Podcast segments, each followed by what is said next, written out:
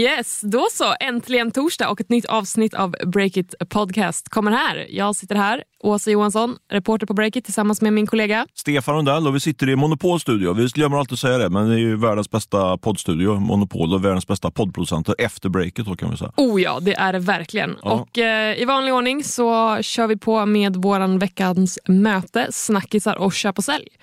Och eh, ja, jag tycker att vi kör igång direkt med, eh, med ditt möte, eller vad säger du? Ja, men det kan vi göra. Mm.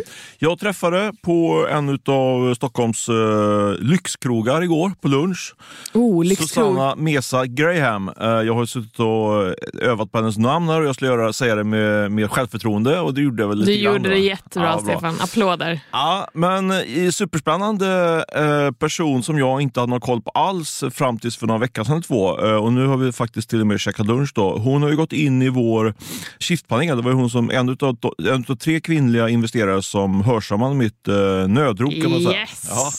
Så- Underbart. Ja, och hon, eh, ja, men henne tror jag vi kommer få eh, höra och läsa mer om faktiskt. Hon har en väldigt spännande bakgrund. Eh, Hon var Fredrik Westers första anställda faktiskt på Paradox.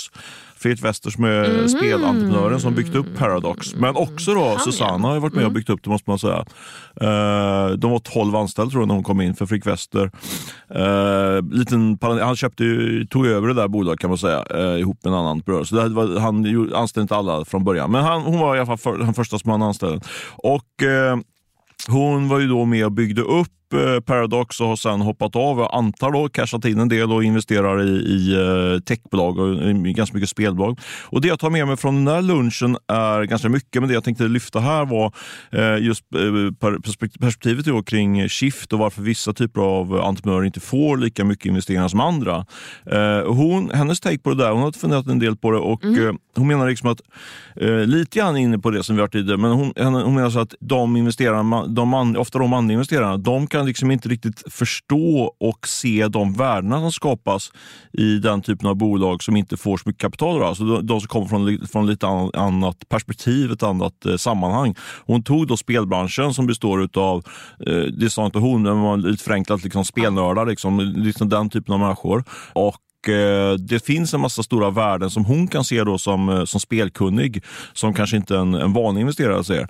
Eh, hon sa, tog exempel på ett bolag i Göteborg tror jag som hon investerat i, eh, som hade en massa... Dels hade de liksom kärnan av riktigt duktiga pe- människor som, som utvecklar spel. Men sen hade de också kontakter in i, i jag tror det var kändisvärlden som, som skulle kunna skapa ma- massa värden. Men som liksom i balansräkningen syns det inte en, en enda krona. Liksom, utan Men vad är det för man- värden då? Ja, men till exempel det då, att den typen av kontakter då, som, som de sitter på i det, i det exemplet. Men Ja. det kan vara massa andra saker också. Jag menar, I vanliga fall när man tittar på ett, eh, och investerar i en eh, startup så tittar man kanske på lite mer hårda värden. Liksom. Man ska lansera en app och man ska få x antal användare och det kommer kosta i kronor och men marknadsföring sådär. Så eh, hon tror att det var en förklaring till att eh, man var liksom eh, van att titta på ett sätt på investeringscase, men man måste, måste titta på lite andra sätt för att, för att eh, vara sugen på att investera i bolag som inte då drivs av handelskillar, lite förenklat. Då. Så sa inte hon riktigt, men ungefär så. Eh, tyckte jag var en ganska intressant eh, take. Eh, och, Mm, ja, eh, verkligen. Men är det liksom, hur enkelt är det att förändra någonting sånt här? Att se andra värden än, än det man har sett tidigare? Är det någonting som man så här, okej nu har vi nya regler, nu kör vi på det här. Eller är det någonting som liksom behöver byggas upp och förändras sakta men säkert över tid? Jag tror att vår, vår gemensamma lösning på det här, det var ju liksom att blanda nätverk. Liksom, kommer från olika håll. Hon, hon till exempel då har ju liksom både en fot i eh, spelvärlden eh, och även en fot i den traditionella liksom, näringslivsvärlden. Så hon, hon tog det som exempel. Hon satt som ordförande i ett bolag och hon blev liksom som en brygga mellan de här traditionella investeringsgubbarna förenklat då, till eh, och, och kunde liksom, tala spel, eh, spelkillarnas språk mot dem och versus kunde hon prata eh, styrelsegubbarnas språk mot spelkillarna. Liksom. Och då blev hon liksom en, eh, ja, men brygga. Och så, så liksom blanda nätverken tror jag hon tror var hennes, eh, en av lösningarna på det där. Och eh, det, är ju, det tror jag med faktiskt. Och det är precis det som händer i Shift. Ja, Eller hur? lite så. Jag tänkte faktiskt säga det, men det blir så tjatigt med Shift hela tiden. Men, men, men faktum är att det, Nu det känns vi så upp bra. det här. Sen gillar jag en, en sista sak bara som jag gillar på, med hon sa också. Hon var, hon, var, väldigt angelägen om att eh, det inte skulle vara någon lång utdragen uh, due diligence-process efter att Shift var klart. Liksom. Vi har ju haft lite problem med det, att det varit, Mm. varit affärer på, på scenen och sen så har det tagit månader innan pengar kommit in. Men så det här har varit typ Draknästet också. Ja, det har tagit en exakt. evighet. Alltså verkligen så här, Exakt. typ ett halvår har jag för mig. Men man älskar det i alla fall som arrangör av Shift. Att man, har, för man kan ju då tänka sig att en investerare kanske är den som då har incitament på att dra ut på DD-processen. För liksom, Men hon var tvärtom. Så här, vi, jag, vill, jag kommer trycka på, när det väl är klart så ska det vara klart. Liksom så så det, det var verkligen, Nice. verkligen. Ja. Heja! Skön person. Eh, så det var mitt möte. Men du har träffat en riktig tungviktare. Det hur? har jag gjort. Inte på någon lyxkrog utan eh, över ett eh, Zoom-möte. Och på andra sidan skärmen satt ingen mindre än Nina Sematkovsky. Eh, hon är ju rätt känd. Hon har eh, bland annat eh, grundat börsnoterade investmentbolaget Flat Capital. Och som var värde, hon har en känd man också. Ja, men det är väl inte så himla relevant. Hon är ju supercool. Nu struntar vi i hennes man ett tag tycker jag. Ah, då. vi vet ju alla vem det är ändå. Hur som helst, hon har nyligen lämnat eh, sitt styrelseuppdrag i Flat Capital, vilket vi rapporterade om i december.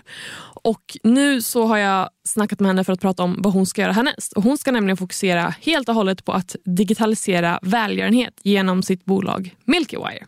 Just det. Men det drog hon igång för ett par år sedan va? Ja, exakt. Det har, det har tuffat på. Och Tanken från början var att eh, koppla samman privatpersoner som vill bidra till klimat och natur eh, ja, genom en app. Då.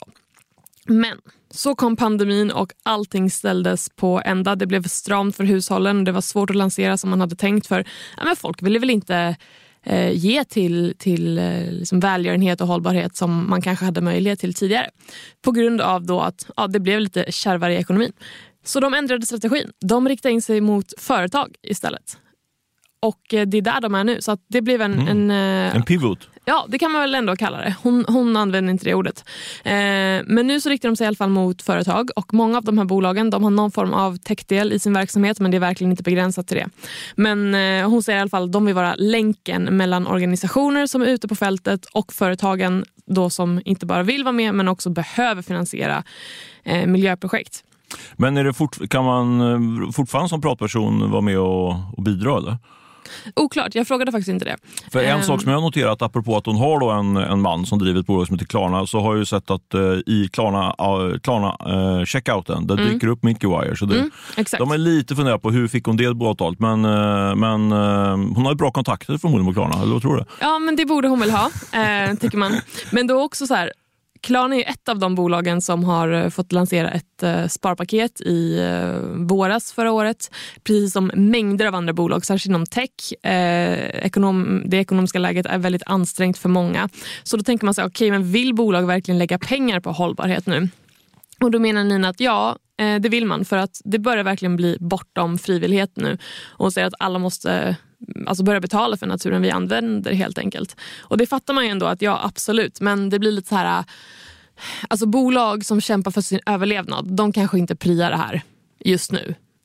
Och det, men det sa ju hon också, liksom. men ändå så menar hon att nej, men de ser ett ökat intresse för just investeringar i hållbarhet. Inte bara i det egna bolaget, men alltså externt. Allt ifrån liksom djur och natur till klimat. Ja, men absolut. Nej, men det är väl visst om du, om du har kniven på strupen så kanske du inte går in i det här. Men, men det finns ju väldigt många andra företag i, i det svenska näringslivet som skulle kunna gå in och, och supporta det här. Men däremot, det man skulle kunna säga att det finns så mycket man kan supporta. Vi har ju supportat en organisation till exempel som vi startade. Så så det, det, man får ju välja liksom. Eh, Ja, precis. Men det är ändå, jag gillar att hon gör det här, att hon har kört på med, med Flat ganska länge och nu så drar hon verkligen, eller hon har ju redan dragit igång Milky Wire, men hon verkar verkligen eh, superpepp och, och taggad. Liksom, så att det ska bli väldigt spännande att följa. Jag tror att det, ja, de har något på G här, helt klart. Spännande. Du rullar in på veckans snackisar direkt tycker jag. Och vi ska snacka om eh, fackklubbar som är lite grann på... Om det är någonting som går bra på, på bland techjättarna så är det fackklubbarna nu. Det är lite eh, symptomatiskt kanske. Men du vet mer. Du har grävt lite grann i det här. Ja, men det har jag gjort. Eh, på tala om tech då. Så eh, ja, nu är det väl ungefär en och en halv vecka sedan som Spotify kom och flaggade för att eh, det är dags att varsla lite i dessa tider. Eh, 600 personer handlar det om, varav omkring 100 stycken i Sverige. och dagen efter att det här eh, meddelandet och, eller bolaget berättade det här, eh, då fick Spotify sin absolut första fackklubb. Och det dröjde verkligen inte länge innan eh, anställda då, som har fått de här tråkiga beskeden kom och ville be om, eh, om råd. Så då har jag pratat med en person som heter Henry Catalini Smith. Och han är utvecklare på Spotify och numera ordförande i bolagets fackklubb. Eh, och som sagt, folk kom och ville verkligen ha råd och hjälp eh, på en gång när den här klubben hade varit igång liksom knappt en dag. Så de fick ju verkligen händerna fulla från start. Och han, eh, ja, han berättade för mig att alltså, de har varit så sjukt upptagna. Han har knappt sovit och liksom bara fått stanna upp och gråta av, av utmattning. Han grät? Han grät säger han. Oj. Men det gör man väl lite då och då. Ja, ändå, men inte tycker jag. gråta utmattning. Det känns som att han borde uppsöka någon fackmänniska eh, för att få hjälp. Men, eller, eller kanske HR-avdelning.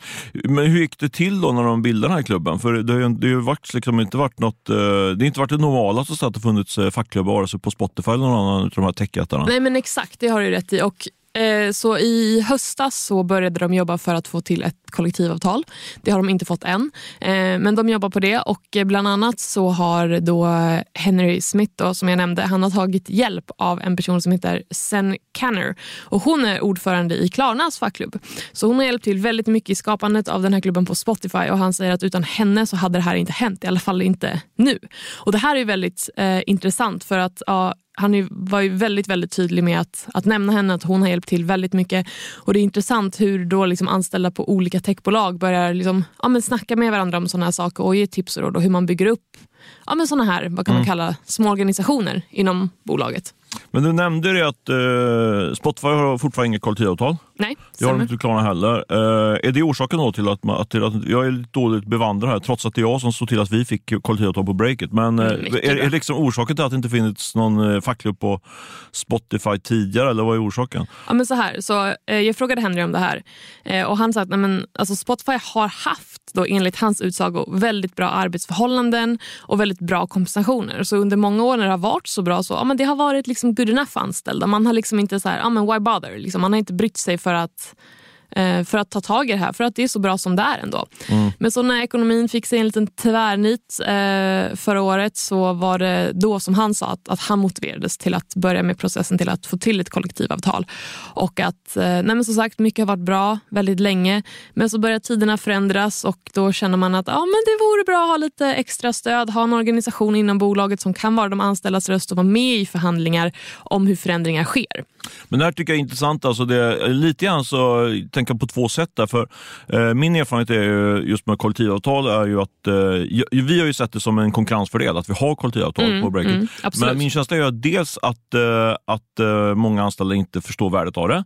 Och det andra är att, eh, är att eh, framförallt i den här techsektorn då, så har ju, har ju man agerat, jobbat väldigt liksom, aktivt för att inte ha kollektivavtal. Och då har ju alltid varit taken varit så här, men vi, vi, vi skuggar kollektivavtalen, vi är till och med bättre eh, villkor än kollektivavtal. Det där tror jag, jag tror lite grann att man slått lite så här blå dunster i, ser man blå dunster? Jag har aldrig hört det. Vad betyder, vad betyder det? Gammal kastar liksom, eh, ja vad säger man, eh, man lurar dem lite grann. Man liksom kastar liksom, eh, lite stjärnor i ansiktet på dem. Så de fattar inte det, vad som egentligen ligger bakom det här. Så att säga. Men alltså, jag menar att, att jag tror lite grann att, att techbolagen har eh, fört Uh, sålt in det här med att vi behövs verkligen inga kollektivavtal utan vi får till och med bättre, precis lite grann som han vittnar om, den här Ja. killen.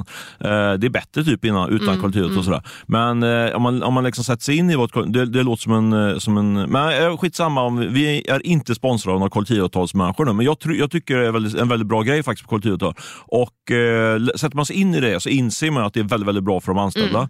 Eh, men, det, min känsla när du berättar det här är ju lite grann att de inte fattat det, utan de tänkte att vi får gratis luncher, och vi får häftiga kickoffer och vi får hög lön och sådär. Vi behöver inte ha det här. Men nu när det, när det hettar till, Ja. Ja, då är det rätt skönt att ha kollektivavtal på Ja. som anställd. Alltså, ska jag säga. Oh ja, verkligen. Det tänkte jag på när jag började på Breakit. När jag var på, på intervju och så, då var det så ja, men då var det viktigt att höra att det fanns kollektivavtal. För att det, nej men det känns bara, även om allting känns jättebra och det var liksom no problem, så känns det som att förr eller senare så blir det lite skakigare tider liksom rent generellt. Och då är det skönt att ha lite extra om inte skyddsnät, men stöd. Ja, men precis. Och det, det är ju bra att du gör den analysen. Men jag tror att, de flesta- jag tror att om man ska, så man ska vara helt krass liksom, så, så ska man inte ha kollektivavtal. Alltså jag tror alltså rent som entreprenör. Liksom, du tjänar på det. För du kan sälja in det här till anställda. Att, liksom, att ja, men vi, vi skuggar det här, du får mycket annat bra. Sådär. Och sen när det väl hettar till så, så, är det skit, så är det skönt att inte ha kollektivavtal som, som arbetsgivare. Eh, jag säger inte att det är bra, men det är liksom rent. Liksom. Eh, och sen finns det ju, så är det ganska dyrt också på vissa saker. Liksom, typ när folk blir föräldraledare och sådär. Som.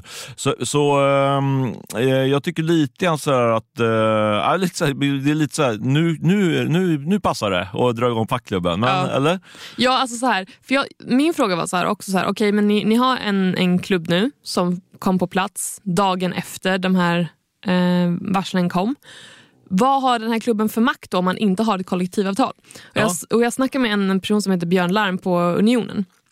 Och Han sa att nej, men så länge man alltså en, en klubb en fackklubb, även om man inte har ett kollektivavtal så är inte den här klubben helt utan makt. För de har ändå, då, om kopplat till unionens, då, så har de unionens mandat att prata med medlemmarna så arbetsgivaren i sin tur måste prata med klubben. Och Sen finns det också, utan att liksom gå in på för mycket detaljer, men så är det också att delar av eh, medbestämmandelagen gäller eh, även för företag utan kollektivavtal så länge de har en fackklubb. Och Det innebär bland annat att bolaget eh, bland annat är skyldig att begära förhandlingar i vissa situationer.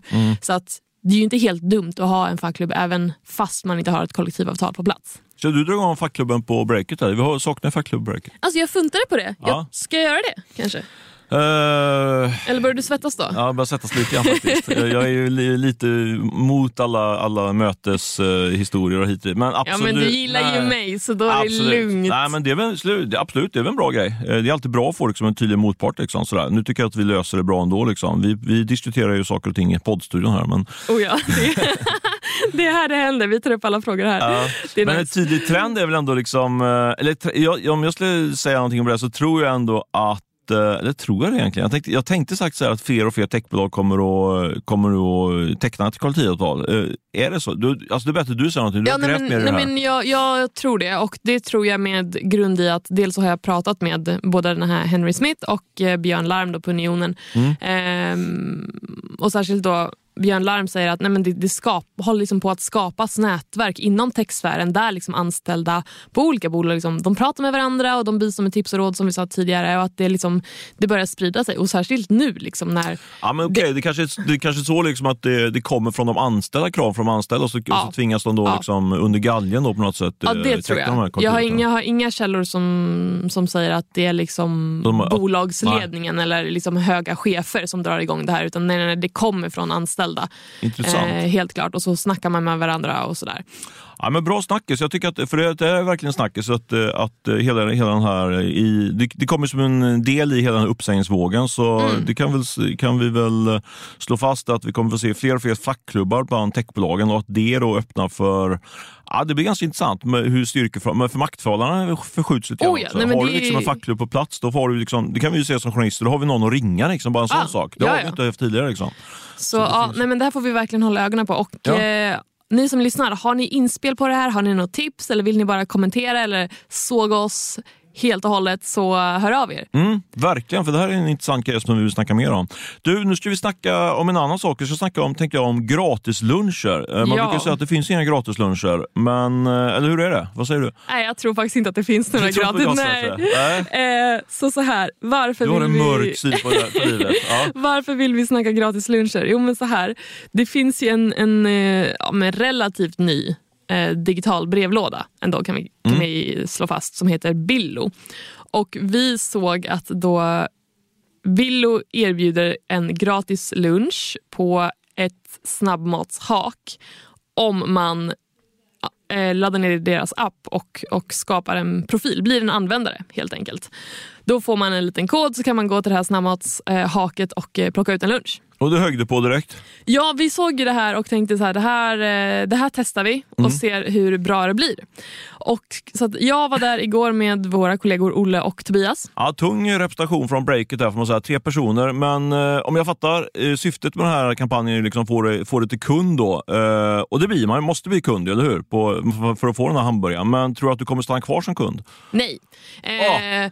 Det kommer Körna jag inte. direkt. Körna direkt. Ja. Eh, ska sägas, jag har inte undersökt den här tjänsten något vidare men eh, som eh, Tobias konstaterade att det finns andra tjänster som man redan använder som är snarlika. Och poängen är alltså det är så här, de ska bara finnas där i bakgrunden. Man ska inte tänka på det. Det ska bara, som, när man får typ, ja, jag vet inte, jag fick från CSN eller någonting för någon vecka sedan och det ska bara dyka upp, man läser det, så går man vidare med sitt liv. Man vill liksom inte tänka på det och då vill man ändå inte så här, nej, men jag tänker inte byta tjänst. Typ så här. Men grejen var att, så jag fick den här gratislunchen. Först och främst, Alltså det var ju inte värt det för det var ju snabbmat. Det var inte supernice. Jag var jättetrött igår hade tänkt att strunta i att åka till gymmet men då kände jag att nu måste jag gå till Ja, gymmet ändå bara för att jag hade käkat så mycket skräp. Jag tänkte precis samma sak, för jag, är- jag är ju sån som älskar gratislunch. så Jag, jag började kasta mig över den där appen. För att prova den. men, men sen så fanns det alternativet att få en trisslott också. Så bara insåg jag att äh, jag tror jag ska ha trisslott här. För man blir ju bara missnöjd där för att man ätit en stor eh, hamburgerlunch. Liksom. Ja, och dessutom när jag försöker avinstallera det och liksom ta bort min användare så får jag bara någon error-meddelande. Så nu är jag fast där. så jag åt en onyttig lunch, jag tog ut min energi på gymmet fast jag borde ha vilat och jag blir inte av med den här appen. Så nej, ingen gratis gratis lunch. Det var jobbigt. Och vi räknar ju på det här, alltså, om alla svenskar skulle nappa på det där, Mm. eh, alla, alla vuxna svenskar, rätt sagt, då skulle helt, det var faktiskt eh, tidningen Resumé som eh, gjorde den uträkningen. Ja. Då skulle det kosta uppåt en miljard faktiskt för, för Billo då, och eh, leverera på det här. Det är helt sjukt. Sen kan man väl anta att de har lite subventioner och så från den här hamburgerkedjan och sådär. Men då, det är ändå det är mycket pengar. Mm. Men vad tror du, är det här, är det här ett bra sätt att, att hova in mängder med nya kunder? Ja, men alltså just det, det du själv vittnar om, att du, att du, ehm, att du, inte, att du körnar direkt, att du hoppar av direkt. Så här, även om du inte gick att hoppa av. eh, eh, Det är väl ett tecken på att det kanske inte funkar jättebra. Eh, Jag tycker att det här, vi snackade om det här lite grann på redaktionen när det dök upp och det, det känns lite så här 2020 eller 2021 över det här. Framförallt kanske ännu mer 2020. När det var jättemycket fokus på tillväxt och få mycket, massa nya användare. Det var liksom det som alla brydde sig om, på det som kallas för topline. Liksom. Ja. Så, det, det blir ju inte ens topline här, det, blir- för det blir ingen försäljning på det, utan det är med antal användare som ökar. Eh, och eh, i det läget så var det ju liksom rationellt när investerare eh, puntar in massa pengar i olika tillväxtprojekt eh, med eh, ambitioner att växa så fort som möjligt. Då var det, liksom, då var det make sense att man, att man helt enkelt köpte kunder i olika former. Eh, med, genom, eh, framförallt då kanske digitalt, då, att, man, att man köper på, på Google och på andra sätt. Liksom. Men här, det här är ju ett sätt att köpa det som kund kan man säga. Du får ju liksom en hamburgare i utbyte med att du ska ladda ner den appen. Eh, och det kan man kanske argumentera för att det är, på ett sätt är hyggligt billig konvertering. Men låt säga att det kostar, nej, billigt är det inte, men det blir nedladdning på, nedladdningskostnad på kanske Säg att de betalar 30-40 spänn här hamburgaren då, eh, Ja. till sin partner. Nej, det är ju rätt dyrt det, för att Ja, få nedladdning app. Eh, Så bara det är dåligt. Men, eh, men jag tänker framförallt om man liksom tar ett steg tillbaka och tittar på vad det här är så så är det ju liksom ett tecken på, på ett beteende som fanns då för kanske 18 månader sedan, när det, när det premierades det här tillväxtbeteendet. Så jag skulle säga jag är väldigt tveksam till om, om det här funkar utifrån det perspektivet. Sen har de ju ett väldigt stort program som, som heter Kivra. Eh, Det finns ju en digital eh, brevlådebolag redan. Alltså, de har ju ungefär 5 miljoner, över tror jag 5,5 miljoner kunder Ja. faktiskt. Så det är en rätt tung uppförsbacke. Om man går in och tittar på, det finns ju statistik på det här faktiskt, som jag upptäckte igår, eh, på en myndighet som jag nu i detta nu inte kommer ihåg vad den heter. Men de har, de har väldigt, väldigt få kunder, de- den här nya utmanaren Billo och Mm. Kivra växer väldigt fort fortfarande. Så jag tror att på Kivra får, växer ungefär lika mycket. På två, tre veckor så har de liksom växt lika mycket som hela Billos eh, kundbas idag. Så jag menar, det säger lite grann om storleken. Ja. De, de, Oh, är- ja. de har väl kanske 10 000 kunder och sånt där. Eh. Men jag tror att, jag skulle inte säga gift på det, men jag Mm. tror att, att Billo har några fler liksom, features, att du kan använda det på några fler sätt. Medan Kivra är först och främst en brevlåda. Så kan du ju, ja, men, det kan du nog på Kivra också, men du, du kan göra diverse betalningar Ja, men exempelvis. så är det, så är det absolut. Eh, det är liksom ingen, det är inte en Kivra-podd här, men menar liksom, så, det, det är säkert en... eh, De har fler grejer man ska göra på det. Men grejen är precis lite grann det du är inne på. Du vill ju bara att allt ska vara sömlöst. Kivra är inte världens roligaste grej att få. Den funkar ju liksom. Eh, Så jag menar att du ska ta steget över till en ny, en ny produkt liksom, som är ganska snarlik. Då, Ja. då krävs lite mer än att du får en hamburgare och att du får någon liten ny grej. Liksom. I alla fall om du tror på stora merparten. Så. Sen kanske det finns så här techie-människor liksom, som vill ha, alltid, alltid ha det senaste, nyaste och fräckaste. Liksom. De, de kanske hoppar över. Ja. Men det ska bli väldigt intressant att se också så hur väl den här vad ska man säga, kampanjen funkar sen. För jag vet inte, de, de gör det här i några veckor. Eh, och frågan är då, vilka blir de största vinnarna? Blir det Billo? Blir det den här snabbmatskedjan? Mm. Eh, eller blir det såna som mig då, som får en gratis lunch och sen avinstallerar appen pronto, liksom, om det nu går. Vi får väl se. När du skulle få ut den här hamburgaren, var du tvungen att ha eh, hamburgerkedjans app också eller?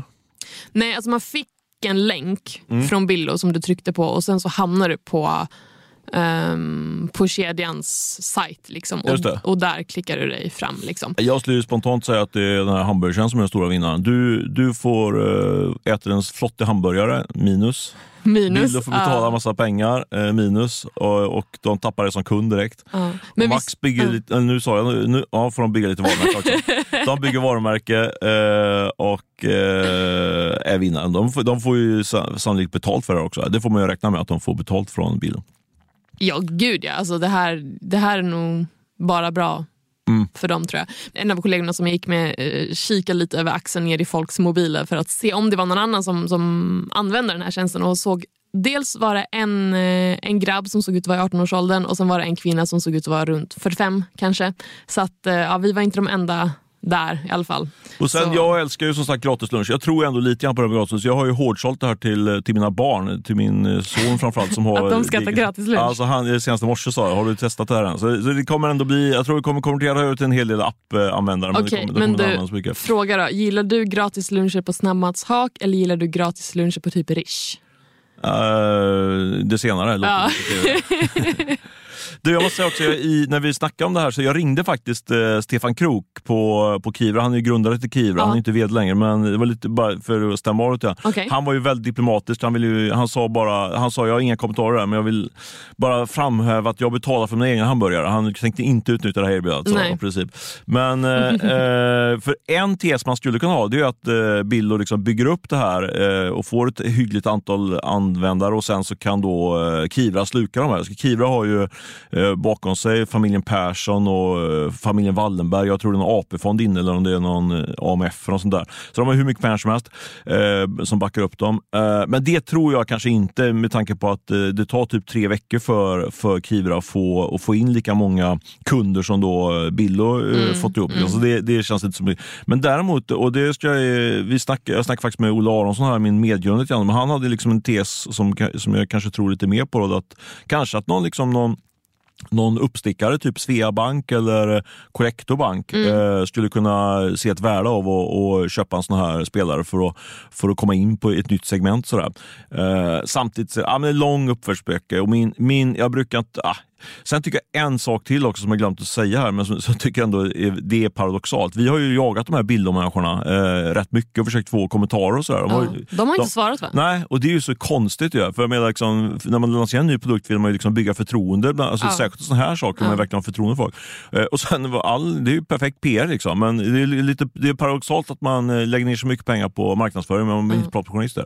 Men Det- uppenbarligen så lyckas de ju rätt bra ändå i och med att vi både kö eller fick käka den här hamburgaren, inte en av oss men tre av oss på breaket plus att du och jag sitter här i podden och snackar om det här i säkert tio minuter. Ja, helt rätt Åsa, du har Så, helt rätt. Det kanske slutar med att det är vi som är de största. Jag vet inte. Ja, det nu, blir det, nu blir det nästan meta-meta här, men det, Ja. så är det. Vi får se. Det kanske slutar med att det här Bildo är jättevinnare. De jag, sitter och lyssnar och garvar nu. Jag tycker framförallt att det var ett intressant fenomen att just att, eh, just att man kör den här modellen. Att det, det verkar, på något sätt är det lite tecken på att eh, den här liksom techmarknaden kanske inte är helt urblåst. Det finns ändå utrymme för för den här typen av lite mer galna grejer. Ja. De har ju tagit in nästan 100 miljoner tror jag i kapital, så de har ju lite pengar. Eller så är tanken med dem liksom att de vet att det här är jättesvårt att göra. Vi kommer inte bli större än vår konkurrent här så vi hoppas på att, liksom, eller om de har signaler eller vaga löften om att vi blir faktiskt uppköpta förr eller senare. Det kanske är det som är hela grejen. Ja, men precis. Nej, Det var det som Olle var inne på lite grann på. Så, det, Ja, exakt. så det, vi får ju se. Jag tror nog inte att någon vill köpa det här, men vi får se. Nu ska vi dunka av våra köp och sälj. Det tycker jag. Och jag ska börja med min köpsignal här. Ja men kör. Alltså, det här är ju kanske kontraproduktivt då, men jag tänkte verkligen eh, lyfta fram och hylla eh, en konkurrent. Mhm. Eh, det är väl en gammal kollega till dig, Jan Almgren va? Jajamensan. Ja, du har jobbat med honom? Ja. ja. Vem är det? Eh, han är sylvass eh, journalist på Svenska Dagbladet. Just det. Näringslivsjournalist. Jag tycker också han är riktigt bra. En av Sveriges bästa näringslivsjournalister.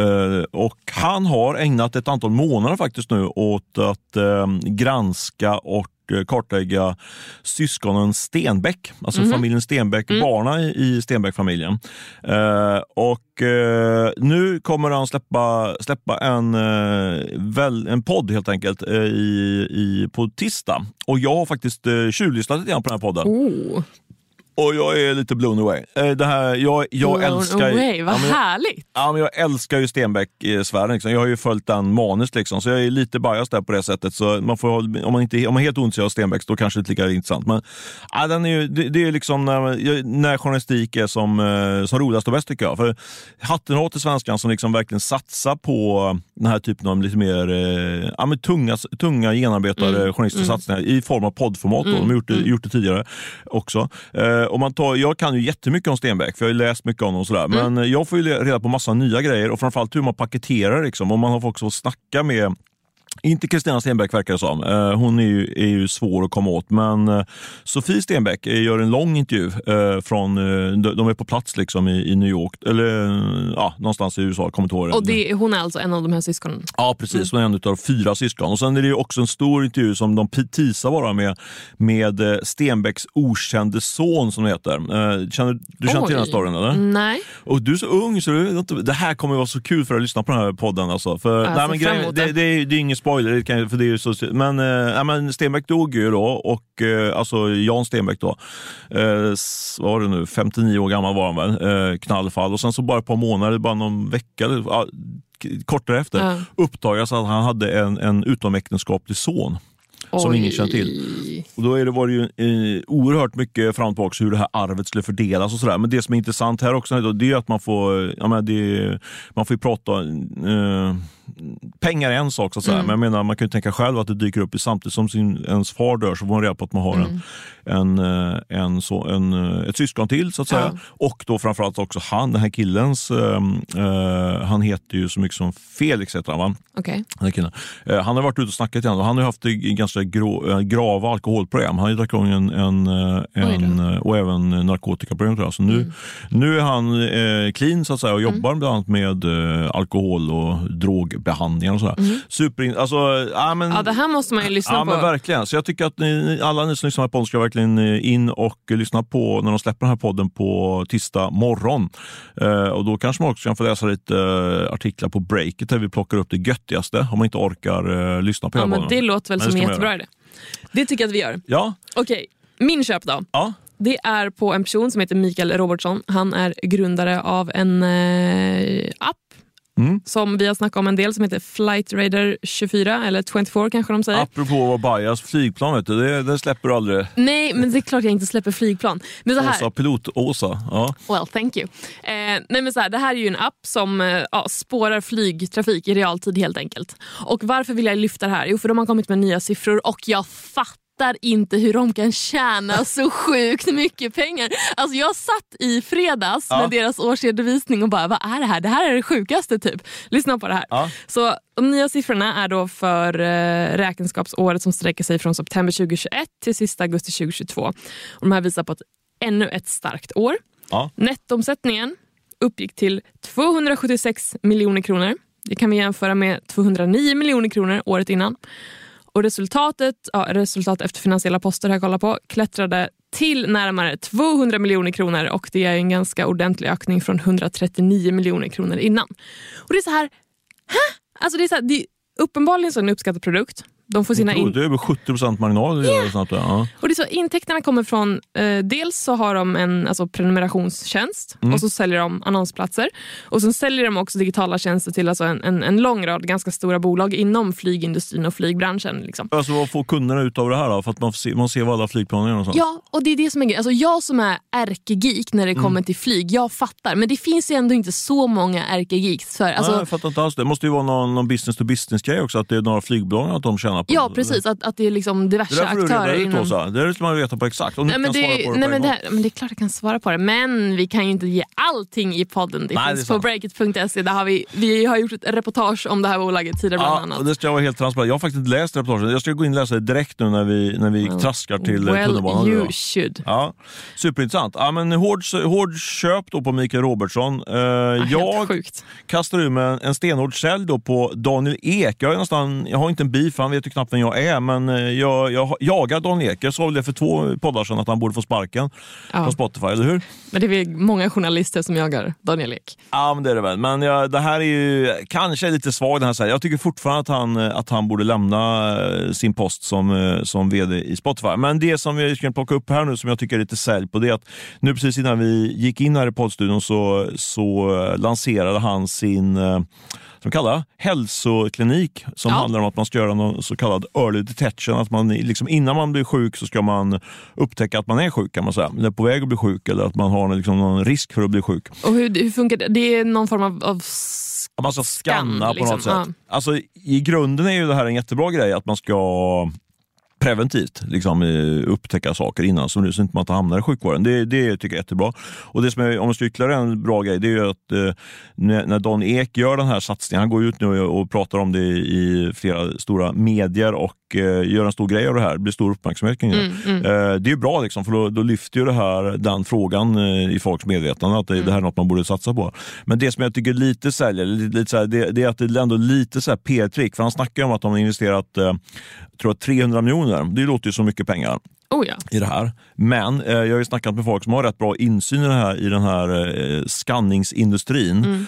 Eh, och det är ju peanuts. Alltså, och det, det är ju inget nytt det här med att man gör den här typen av skanner. Peanuts. Ja men, det är, det, ja men det är det faktiskt. Alltså, för du har de här Siemens och ytterligare ett stort, Ja, ja, stor, visst, en jätte, som, visst. Philips tror jag, jag kommer inte Ja. ihåg det. De investerar du vet, miljarders miljarders dollar i den här Ja, typen av tekniken. Och det är ju, det är ju den här um, MR, vad är det, du vet, magnetröntgen och Mm. sånt. Liksom. Och det här är ju en väldigt light grej som Dan Eke gör nu. Och nu. Men nu går han ut och säger att eh, nu ska han revolutionera sjukvården. Mm. Eh, nu, nu har jag kommit på det här. Nu, ska vi, nu, nu händer det. Liksom. Det har liksom redan hänt på något sätt. Det, det han gör är ju, ja, men det, det blir liksom lite töntigt liksom, att han ska ut och... Oj, när han hårt. gör det här så, så blir det så jättestort. Liksom. Eh, han, eh, det är lite så här kejsarens nya kläder av det på något sätt. Ah, kanske inte kejsarens, men liksom det, det, det, min poäng är att eh, bra grej, men eh, sätter kanske inte på riktigt lika så höga hästar och tycker att, eh, att nu är det du som ska göra det här. Liksom, det, det är Ja, många som nej. tänkt på det innan och eh, det stora värdet av det är väl framförallt den här marknadsföringshypen som gör att du och jag sitter och snackar om det och på Oh, vår ja. redaktion var ju folk här, bara, "Ah, det här måste vi testa själva Ja. så bla bla. Så. Men eh, alltså, kan inte Daniel Ek funka lite som en influencer här? Att folk vill testa just det här för att det är han. Mm. Han gav oss Spotify, jada jada jada. Hela den storyn, liksom, nu gör han det här. Så då måste det säkert bli bra. För Mm. Varför skulle det inte bli det? Det är ju han och så vidare. och så vidare och så vidare. Nej, jag håller med, precis så tycker jag. Om man så ser det på den positiva sidan. Och jag kan säga lite grann är det för att jag måste, jag, man måste ju alltid trycka fram en, hård sälj här. Så, Oh ja. så jag håller med dig. Man kan liksom lika gärna säga att det är bra att han gör det här så att folk eh, får upp ögonen för det. För det är ju i grunden en bra grej att man har koll på sitt blodtryck och så vidare. Ja, men det kan man ju ha ändå. Alltså, ja, jag, jag är lite skeptisk till det här. Vi, vi får Ja. se. Det kanske är skitbra. Eller så är det inte det. Vi får se. Ja. Som med allting annat. Eh, Okej, nu min veckans sälj Mm. är Footway. För att hålla mig kort. Daniel Mühlbach, grundaren och vdn antar jag. Då är väl sälj på honom. Ja, Mm. exakt. Anyway, den här enhandlaren Footway ser ett ganska rejält minskat eh, köpsug eh, som har påverkat både försäljningen och resultatet. Och eh, För att förbättra likviditeten och öka försäljningen så måste den här koncernen rea ut en himla massa produkter. Och Det här följs också av en stor lagernedskrivning på 186 miljoner kronor eh, som hamnar på det fjärde kvartalet. Men vet du vad jag tänkte? Det är köp för oss konsumenter. Jag måste in på den där eh, outlet. eh, De kommer ju bara vräka ut skor nu, så nu kommer det bli riktigt eh, köpläge. Jag är sugen på att köpa nya löparskor, så jag tänker nog gå in på den där sajten. Ja men testa. Gud, jag skulle aldrig köpa skor Stöd. på nätet. Stöd, oh, absolut. Stödköpa, hjälpa Daniel Mühlbach lite grann. Han kan behöva lite hjälp. Det har varit tufft på börsen honom de sista typ tre, fyra åren. Vad jobbigt. All right. Eh, det var en snabb sälj från min sida. Har vi någonting mer vi vill säga eller är vi nöjda med den här veckan? Uh, vi är nöjda tycker jag faktiskt. Ja. Uh, och så ser vi fram emot att lyssna, eller, höras uh, nästa torsdag vid tresnåret lägger vi ut podden. Jajamensan. Och har ni synpunkter, kommentarer eller bara någonting ni vill dela med er av så hör av er. Ni når mig på asa.breakit.se. Ja, och mig hör man, når man om man vill på mobiltelefon 070 755 1285. Ta för alternerat igen så tråkigt med mail. Kommer bli nerringd. Ja, det är tveksamt. eh, men ha en bra vecka så hörs vi nästa torsdag. Vi hörs. Hej då!